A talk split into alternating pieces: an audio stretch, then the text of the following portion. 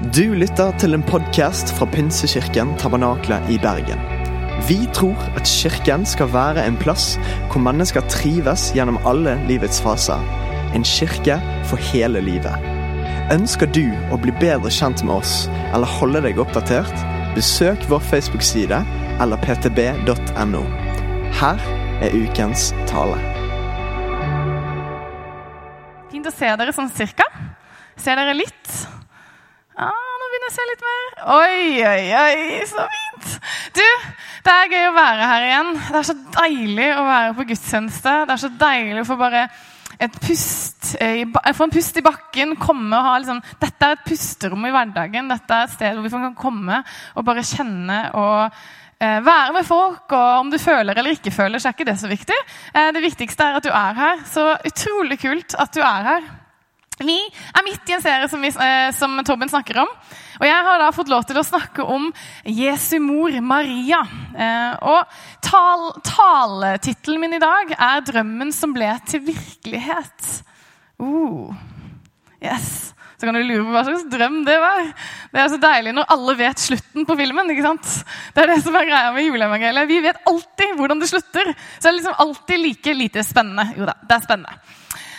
Men du, jeg har i forberedelsene av å, og kom, liksom, til å komme hit og skulle kunne dele det her med dere, så har jeg gått og tenkt Gud, hva, hva er det du har lyst til å si spesielt til eh, denne søndagen her, til de folka her? Hva er det du, som, er det du har lyst til å, å virkelig si og legge trykk på?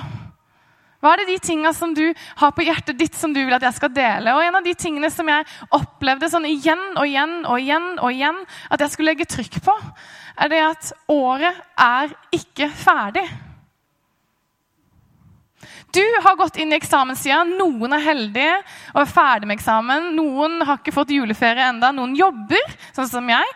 Eh, er sånn at Vi har en tendens til å gå inn i desember med en litt sånn ro eller enten stress, veldig høy stressfaktor, og så bare boff, og så faller man sammen som en sånn fatboy-sak eh, og så er det sånn at vi tendenserer til å bare tenke at nå går jeg inn for landing. Nå er året ferdig, jeg er ferdig, eh, og jeg har tenkt å bare roe det helt ned.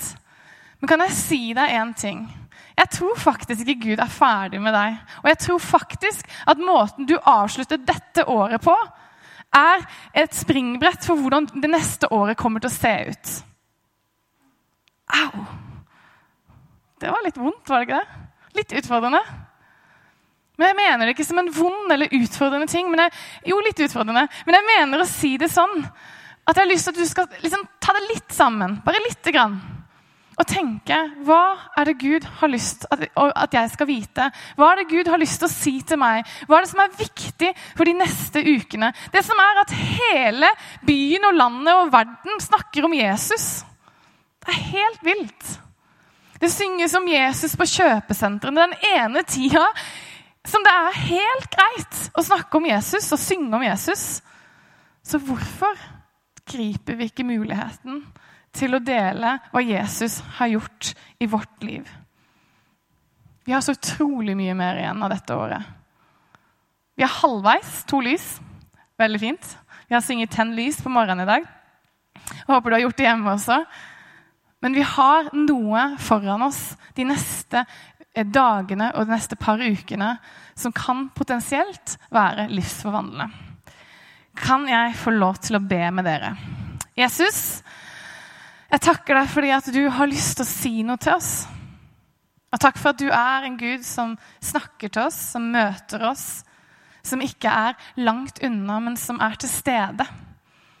Takk for at vi ikke trenger å dra deg ned, men at du er her. Og vi er så takknemlige for at du kom for 2000 år siden. At du levde, og at du døde, og du sto opp igjen for oss. Sånn at vi kan få lov til å leve med deg i relasjon til deg. Og Herre, jeg ber om at du skal virkelig vise oss noe. At du skal hjelpe oss til å, å ta det steget, gjøre de tinga Tørre å, gjøre noe som vi ikke har gjort før. Sånn at resten av dette året skal bety noe. Men mest av alt så ber vi om at du skal gjøre noe i våre hjerter. I Jesu navn. Amen. Har du noen drømmer? Nei? Ingen har drømmer. Synd det der, altså. altså. Jeg vet ikke hva slags drømmer du hadde når du var tenåring eller barn. Er det noen som hadde noen morsomme drømmer? Jeg husker Venninna mi hadde lyst til å bli skolegutt. så, hun skjønte ikke helt greia, for det var bare sånn det var. Eh, og det var flere ting som man hadde lyst til å bli når man var liten. ikke sant? Kanskje du hadde lyst til å bli, eller hadde lyst til å bli en dyktig musiker. Og så skjønte du at du var tonedøv. Så knuste den drømmen. Du, eh, kanskje du hadde lyst til å bli politiker. Forandre verden. Kanskje hadde du lyst til å reise verden rundt.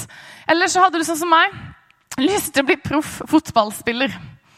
Helt til en dag jeg eh, spør læreren min eh, du, kunne jeg få lov til å være med på det fotballaget. Så ser han dypt på meg, stille, sier han. Sandra, vi skal ikke toppe laget, men vi skal ikke bånde det heller. Så, Ouch! Det verste var at når jeg da ville være med på eh, Tinestafetten, så klarte jeg å få med meg mange folk på Tinestafetten. Så mange folk at jeg fikk ikke være med. Så jeg var veldig flink på noe. Kanskje ikke det å løpe. Så det var flott. Jeg fikk være med på bussen, da, så takk til eh, gymlæreren min. Det var veldig motiverende. Og Derfor så tror jeg at det å trene er en del av fallet. Eh, og du kan se på det. Det er teologisk korrekt, faktisk. Kanskje så drømte, drømte, du eller drømmer du om å ha en familie som betyr noe for nabolaget. Eller bli misjonær, eller du drømmer om å gjøre en forskjell. Og det jeg, jeg tror er en, liksom, eh, en, likhet mellom meg og deg Jeg gjetter, for jeg kjenner ikke alle dere. Er at vi alle har lyst til å gjøre en forskjell. Vi har alle hatt lyst til å bety noe for noen, for mange. Og vi har lyst til at kanskje det vi har gjort, skal være å bety noe for noen etter vi har gått videre etter min levetid her på jord så skulle jeg ønske at det er noe jeg har gjort som har betydd en endring eller en forskjell for noen andre. Og jeg tror det er litt sånn. Derfor skal jeg snakke om drømmer på en måte i dag. Tenk litt på dine drømmer. Vi er i Edens hage. Klarer vi å spole helt til begynnelsen av tida? Eva og Adam valser rundt i hagen, og så spiser de et såkalt eple. Det kan ha vært mango, det kan ha vært mye godt. Det vet vi ikke hva er for noe. For deg som er sulten, beklager. Eh, og så skjer det at de da blir kasta ut av hagen fordi de spiser av dette treet som de ikke skulle spise. Og fra det øyeblikket så ser du at det er en lengsel gjennom hele Gamle testamentet etter å komme tilbake dit. Dit der relasjonen og nærheten til Gud var så, så eh, håndpåtagelig. Og Guds folk, israelsfolket, de venter og venter og venter på denne her mannen, denne han som skulle komme og gjøre alt bra igjen. Kanskje skulle være en mektig konge, eller det skulle være en kriger, eller en som skulle gi det eh, lovede land tilbake til folket, gi Jerusalem tilbake til israelsfolket. En mektig mann som skulle samle Guds folk fra hele jorden og gjenoppbygge tempelet sånn som det en gang var. Alle ville se at Messias var jødenes konge, og de ville lovprise Gud. Rundt år null cirka, så du, kan du liksom se for deg middagsbord rundt omkring. Og middagsbordene så var det ikke sånn som det, var, eh, sånn som det er nå, hvor vi spiser liksom fort. En halvtime så er vi ferdig hvis vi har sittet veldig lenge. Men de satt i mange timer, og de lå til bords, står det noen steder i Bibelen. Og de fortalte historiene. Fedrene fortalte historiene til barna sine. Fortalte om Abraham og Isaks og Jakobs Gud, om undrene som hadde skjedd, og de spennende tinga de hadde vært gjennom landet. De fortalte om løftene og, og hva profetene hadde sagt, at det skulle komme en mann, en frelser, en redning. Og du må skjønne det at På den tida så var den muntlige tradisjonen veldig veldig sterk. Fordi eh, Vi tenker at ja, men kunne du ikke bare skrevet det ned? Nei, fordi at papyrus var utrolig dyrt, og de fleste kunne verken lese eller skrive. Sånn at det var sånn at de fortalte historiene. Og Sånn var også fellesskapet sentrert rundt disse historiene. Derfor, hvis jeg skal gi deg et råd når du leser Bibelen Hvis det står ting én gang, følg med. Står det to ganger, da bør du i hvert fall følge med. Og står det tre ganger, så er det kanskje ganske viktig. Fordi det kosta så mye penger.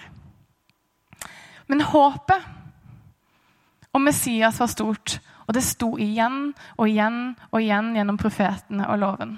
Du kunne se at det var snakka om en som skulle komme. Ok, Maria, Jesu mor, hun er ikke da blitt Jesu mor enda, ville ha drømt. Hun levde i dette her. Hun hadde sittet rundt middagsbordet og hørt liksom, 'Ja da, pappa, jeg skjønner hva du har sagt. Jeg har hørt det tusen ganger før.' Ikke sant? Kan du se det for deg? Men hun ville ha drømt, og hun ville ha tenkt, hun ville ha sett for seg dagdrømt. Hvem er denne Messias? Hvordan kommer han til å se ut? Kommer han til å komme på en hest? Ikke sant? Hun var jente, hun var 13. Eh, det var sikkert med i Pennyklubben. Og hun har sikkert sett for seg noe. Og drømmen om å bli fridd ut og bli redda fra denne undertrykkelsen som var i landet. Herodes, kongen på den tida, han var fæl, han var maktsyk. Og han var så paranoid og redd for at noen skulle ta makten hans, at han faktisk drepte sin egen sønn og kone. Og Så bygde han opp tempelet igjen. Men i stedet for å putte Gud på tronen, så puttet han seg selv på tronen i det tempelet. Ting var ikke sånn som det skulle være. Og Maria drømte og håpte om denne Messias. Men en dag så skulle den riktige kongen, den riktige jødenes komme, konge, komme og sette sitt folk fri. Denne store drømmen skulle bli til virkelighet. Maria, Vi har ikke, vi har ikke mye informasjon om Maria. Vi vet at hun nevnes ca. ni ganger gjennom eh, Nytestamentet. Og vi tror at hun var ca. 13 19 år, som var en vanlig alder å bli gift på den tida. Så hvis du kjenner at du er litt stressa, så går det bra. Det skal også sies at det var, gjennomsnitts levealder var 35-40 år. Så det vil si at jeg er i min pensjonsalder. Um, det er deilig å vite. Jeg kjenner det faktisk litt på gikta. Og det er Hvis du også kjenner det litt, så er det faktisk ikke så rart. Men det er lite som står om hva hun måtte ha tenkt eller følt eller opplevd. og vi må jo på en måte være tro til teksten, men jeg tror at vi kan noen ganger sette oss inn, sette oss inn i hennes sko og prøve å gå litt der hun har gått, og oppleve det hun har opplevd, og føle, føle litt på det hun har måttet følt. For vi er jo et menneske, og hun var jo et menneske. Så jeg tenker kanskje at vi kan se noen ting som vi ikke har sett før. Men først, la oss lese teksten med overskriften 'Budskapet til Maria fra engelen'. Det kan ikke bli tydeligere enn det. Ok, er dere klare? Engelen kom inn til henne og sa, 'Vær hilset, du som har fått nåde. Herren er med deg.' Hun ble forskrekket over engelens ord og undret seg over hva den hilsen skulle bety. Men engelen sa til henne, 'Frykt ikke, Maria, for du har funnet nåde hos Gud.' Hør, du skal bli med barn og føde en sønn, og du skal gi ham navnet Jesus. Han skal være stor og kalles den høyeste sønn. Og Herren Gud skal gi ham hans far Davids trone. Han skal være konge over Jakobs hus til evig tid. Det skal ikke være ende på hans kongedømme. Så fort kan det gå mellom en helt ordinær, vanlig, kjedelig Jeg har plukka opp søppel, henta vann, tatt på meg klær, vaska meg til en dag som bare blir helt ekstraordinær. Har du tenkt over det? Har du tenkt over den opplevelsen det må ha vært for Maria å gå fra sånn herre ja, da, da, da, enda en ny dag, til å komme til et sted hvor du møter en engel som forandrer historien, som forandrer livet ditt? Sånn er det noen ganger. Visste du det? Du vet det. At noen ganger så kan livet ditt se ut helt ordinært på morgenen, og i løpet av dagen så kan alt ha forandra seg. På godt eller vondt. For de som har blitt foreldre i natt Det er faktisk tre stykker som har født i løpet av liksom dette døgnet. Altså, Som vi kjenner. Det er jo verdt å ta med. Det er andre som blir født også. Eh, heldigvis. Eh, men så fort kan det gå fra å være en kommende mor til en mor, fra en kommende far og en familie til en familie. Ting kan skje så fort. Og den dagen gikk jo fra å være en som håpte på Messias, til en som bar på Messias. Mitt første punkt er drøm stort. Jeg skulle si at jeg har bodd i USA, så jeg liksom sier det sånn Dream big, guys. Eh, men det har jeg ikke. Eh, men drøm stort! Har du noensinne tenkt 'hvordan endte jeg opp her'? Det kan hende du sitter her og så tenker du det nå. Eh, hvorfor meg? Eller jeg er ganske sikker på at Maria må ha tenkt det. Kanskje bare sånn ah, 'Pinch my arm'. Klyp meg i armen. Sånn, det ser jeg, jeg må jo ha sovet. Det her må jo ha vært en drøm. Eller 'legg meg inn på et psykiatrisk sykehus'. Fordi jeg hadde tenkt det hvis noen hadde kommet og fortalt meg at jeg skulle bli Jesu mor.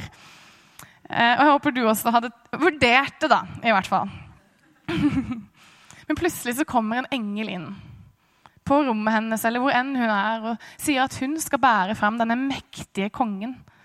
Redningen til jødiske folket. Messias skal bli født som et barn, altså som en baby, av en jomfru. Det er, to, det er mange ting her som ikke funker. Hvis du skulle hatt et sånt bilde 'finn fem feil', så hadde det bare vært feil på hele bildet. Dette er den største, dette er den mest risikable planen som du kunne tenke deg. Og jeg hadde, hatt, jeg hadde muligens spurt Gud mm, har du tenkt igjennom dette. Tror du at dette er løsninga? Skulle vi tatt en slagplan? Markedsføringsteam? Skal vi samle oss? Men sånn skjer det. Jeg hadde stilt flere spørsmål. Jeg stiller ofte spørsmål. Men det her sier Maria.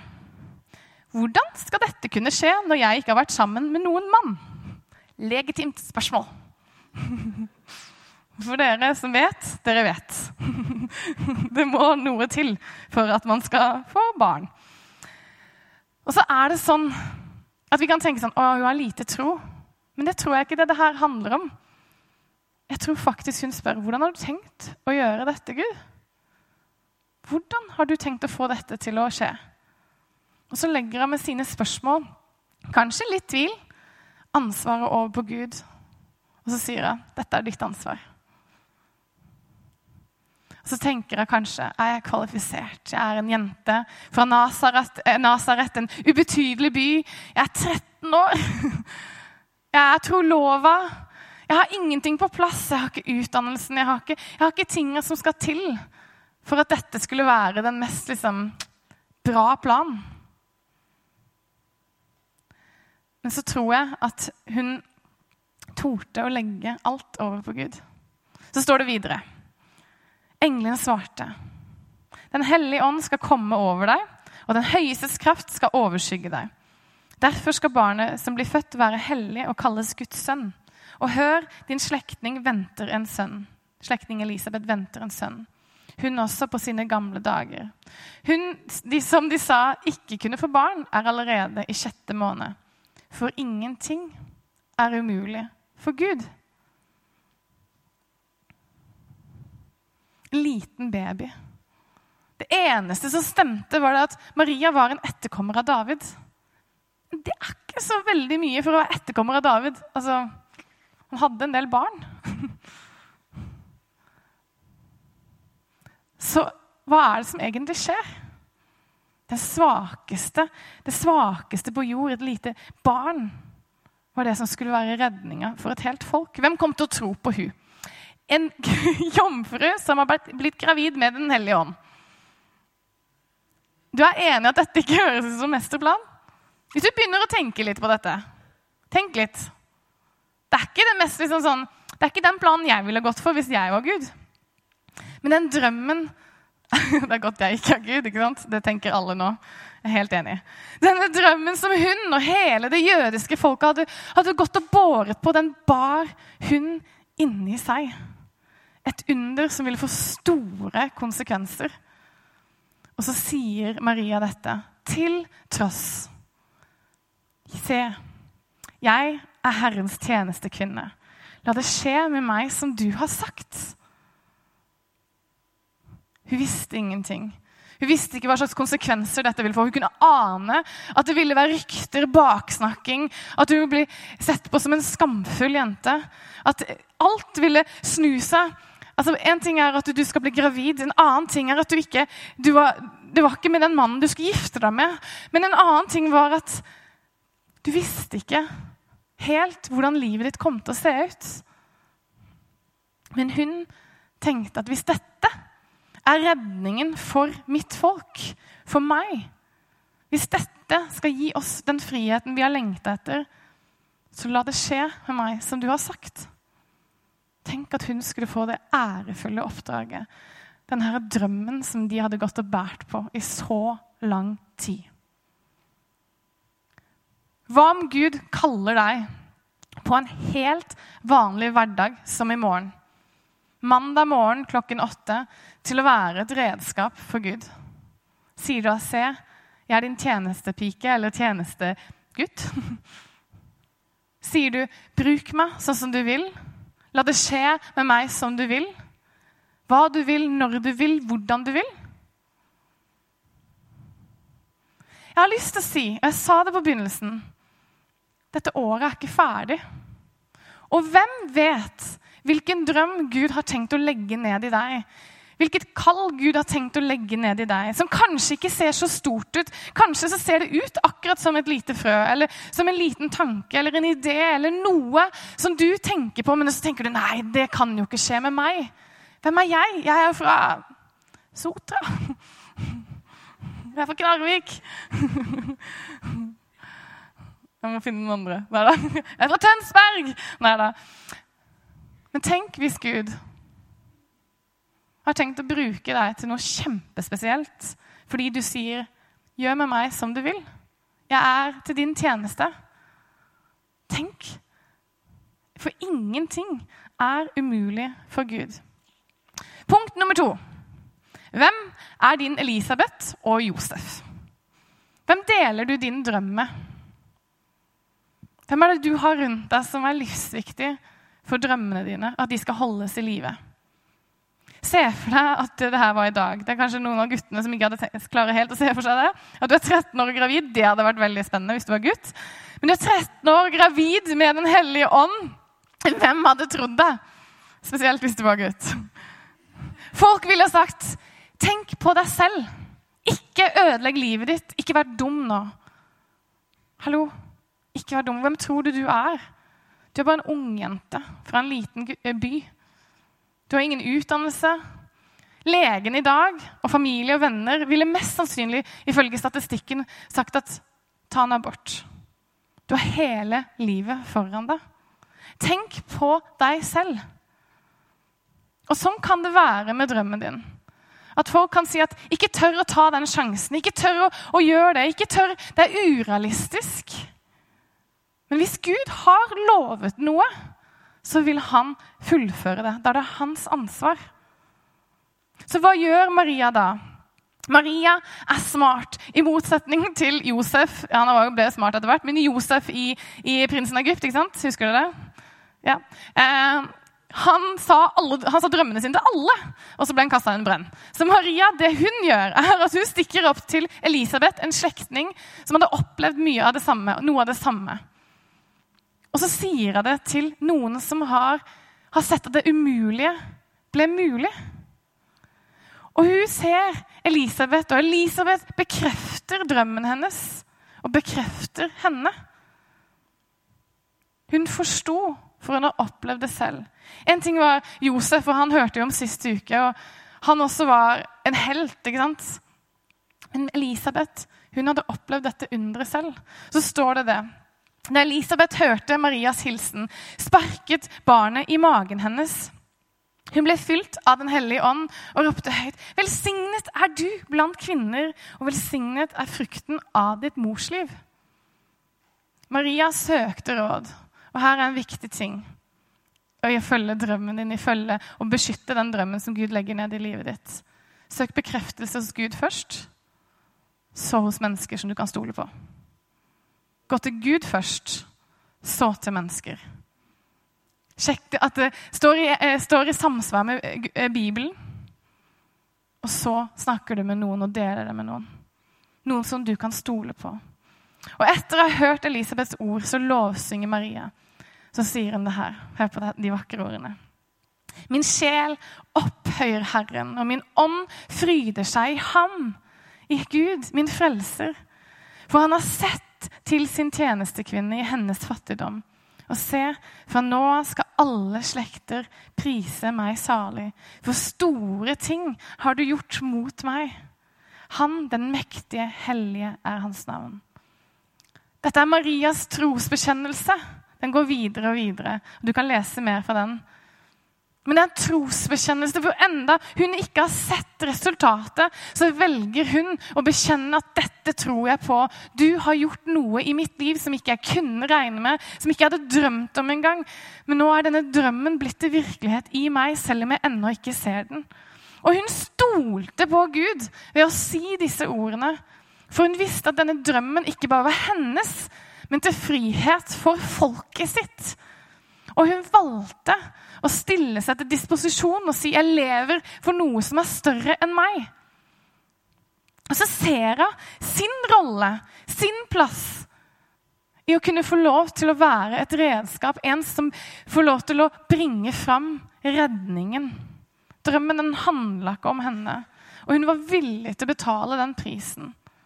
Og jeg har lyst til å stille deg et spørsmål. Når du tør å drømme stort, så det er alltid viktig å stille deg det spørsmålet. Drømmer du for din egen ære eller Guds ære? Visdom er det å velge deg ut noen du kan stole på. Noen som kan hjelpe deg, holde deg ansvarlig, fortelle deg hvordan Husker du ikke hva vi har snakka om? Dette er drømmen din. Når du ikke vet hva du skal gjøre, så kan de fortelle, men du vet jo hvorfor du gjør det her. Jeg husker når jeg skulle komme hit, så, så, så, hadde jeg noen øyeblikk hvor jeg tenkte skal jeg hit, Reine? Eh, og så sier min far, som jeg hadde delt ganske mye med, men Sandra, du vet jo hva du egentlig vil. Ja.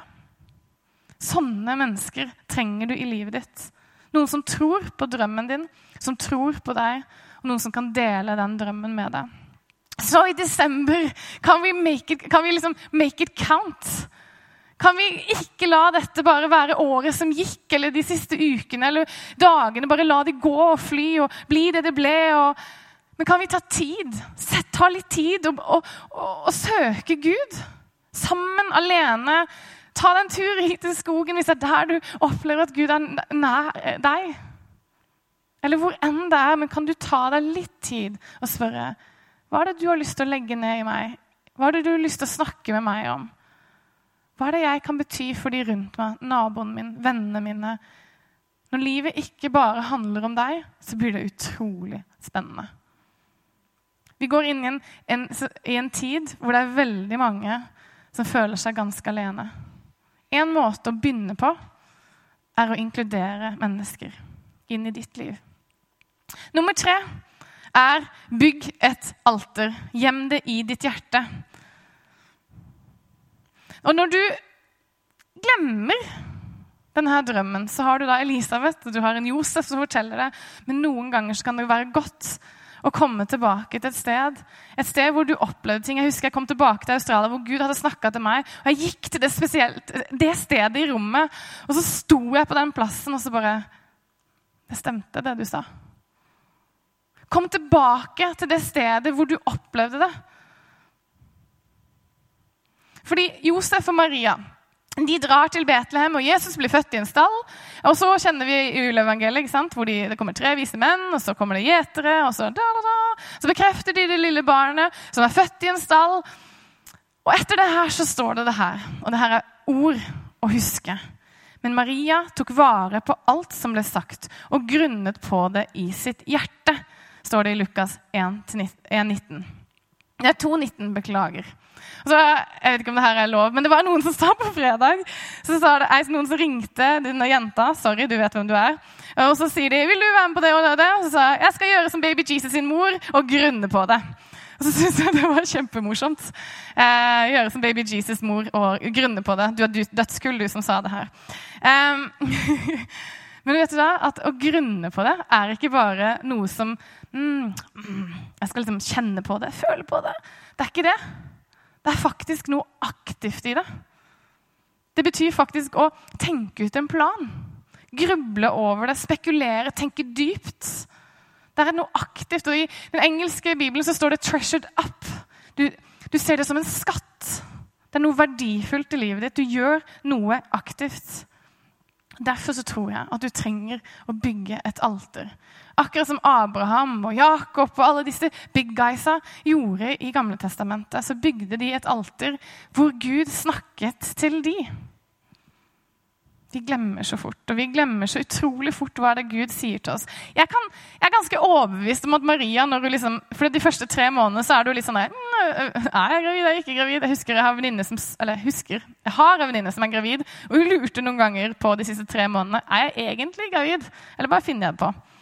Og jeg tenker at kanskje så går, gikk Maria og tenkte sånn «Mm, Stemmer det egentlig? Engel hørtes litt voldsomt ut. Guds sønn det hørtes også litt voldsomt ut men det å komme tilbake til hva det handler om. Så hva kan vi lære av Maria? Vi kan lære utrolig mye. Bandet kan komme opp. Å tro når drømmen bare er en baby. Når, når, Maria ser på Jesus, han ligger der i en stall, og det ser ikke ut til å være noe spesielt, og det lukter rundt det. Men å tro at det Gud har sagt, det stemmer. Å tro når drømmen bare er under utvikling og ikke helt der. Jesus han var tenåring, visste dere det? Med kviser. Han var uproporsjonelt. Lange armer, korte bein, stort hode. Ikke sant? Fortsett å tro da. Og fortsett å tro når Maria står ved siden av Jesus i 30 år. og Det er ikke så mye som skjer. Han driver og er eh, en håndverker og spennende. Han er snill med folk og mye fint. Og tro mens du venter på at Jesus skal komme inn i tjenesten, for du lurer på om stemmer dette? Dette som du sa til meg, Gud? Og fortsette å tro når du ikke ser det du ønsker å se.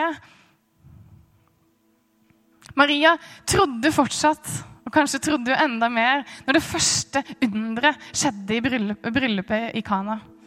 Og tro når drømmen blir totalt knust. Jesus henger på et kors. Den mektige kongen, den jødiske kongen, dør på et kors. Selve symbolet på skam. Han skulle jo bringe frihet til folket. Det er ganske mange år mellom 3 og 30. Det er ganske mye dagligliv det er ganske mange hverdager, det er ganske mange du våkner og går og legger deg igjen-dager. Og Det står ganske lite om hva hun har tenkt og følt. og Er han egentlig en spesiell mann, eller hva er det her for noe? Den tiden når du fortsetter å tro, du fortsetter å håpe, og du ber og du forbereder deg. Men Gud, han, han holder det han lovde. Og han holder det han lovde til deg den gangen du satt i det rommet, var på den festivalen, gikk den turen lengta etter å se noe. Forpliktelse er å få bli tro til det du sa du skulle lenge etter følelsen har forlatt deg. Maria forplikta seg til denne drømmen. Og så er det utrolig vakkert. For Maria sto fast ved drømmen sin helt til hun står der. Jesus har stått opp fra de døde, og hun får se han igjen. Men ikke nok med det, så får hun se at han, han drar opp til himmelen. Og hun er der i den første kirka i Postenes gjerninger. Maria fortsatte å tro. Denne lille jenta som ble en, en gudskvinne. Ingenting som er verdt noe, kommer lett. Men det er verdt det. Og jeg har lyst til å utfordre deg nå til å tørre å drømme litt større. Det er sånne klisjégreier. Hvis ikke drømmen er for stor for deg, så er den for liten. eller et eller annet sånt.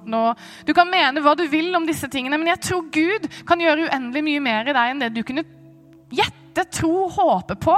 Og så har jeg lyst til å utfordre deg til å ikke drømme drømmer som du drømmer, men si hei, Gud, hva slags drømmer har du for meg?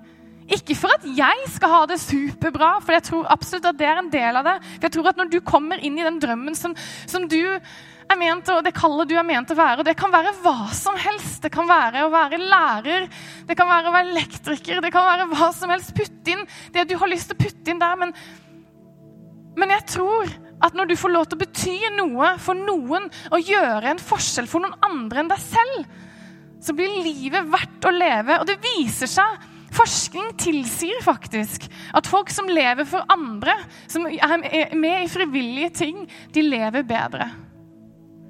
Og hvis vi da putter Gud inn i det bildet, ah, da blir det så spennende. Koster noe? Ja, det kommer det til å gjøre. Men spennende. Det kommer til å bli så verdt det. For når du står ansikt til ansikt med Jesus en dag, så kan du si at 'jeg gjorde det jeg skulle gjøre'. Det som du la i hjertet mitt. Og disse menneskene fikk høre om det. Og, og ikke for å skryte, men fordi at du fikk lov til å være et redskap, bli brukt til noe. Du fikk bære noe. Bære Jesus til mennesker. Og finn ut hvem er din Josef, og hvem, hvem er din Elisabeth. Og noen syns dette er faktisk ganske komplisert, fordi de føler ikke de har noen venner de kan dele livet sitt med. Kan jeg anbefale deg å finne deg en life-gruppe? Kanskje dette er første steget. Kanskje ikke alle grupper er dine. sånn Josef og Maria. Forhåpentligvis ikke Josef, for da må du gifte deg med alle grupper. Men, men finn noen venner som du kan dele livet ditt med. Og fortsett når drømmen ser bare ut som å sånn, ser litt sånn tenåring ut. Kviser og uproporsjonert. Og fortsett å stole på Gud. Fortsett å stole på det Gud har lagt ned i hjertet ditt. Kom tilbake til det stedet som Gud snakka til deg. Handler drømmen din bare om deg, da er den for liten. Men handler den om at mennesker skal få lov til å oppleve det du har opplevd, da er den stor. Du kan få reise deg opp.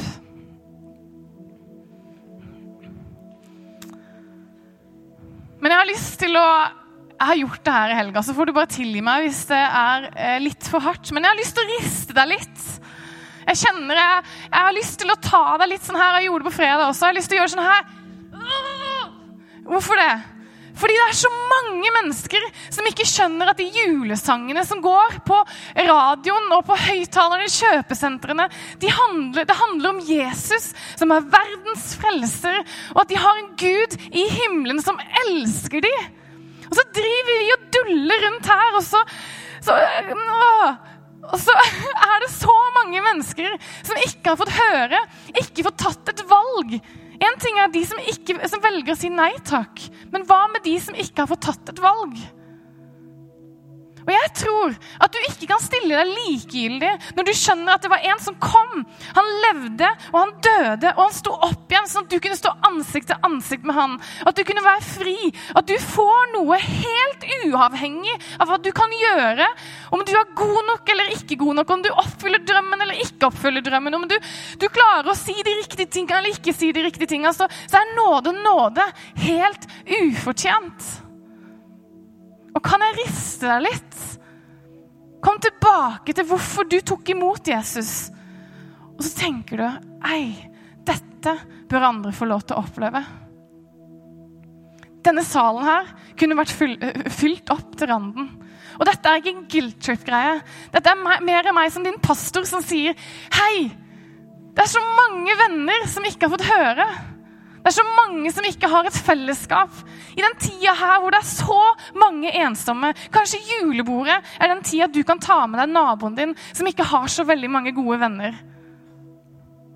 Det finnes muligheter. Og kanskje det første du kan gjøre, er bare å be. Hvis det er det eneste du klarer å gjøre nå, så er det helt greit. Men begynn der. Begynn å be. Og om du ikke vet hva du skal si, så si navnet. Så begynner du der, og så er det alt. Det er kjempefint. Det Kalles popkornbønn. Nå sier du navnet, så papp. Gud hører deg uansett. Han ser hjertet ditt. Om du klarer å si fine ting eller fine ord. eller Det har egentlig ingenting å si.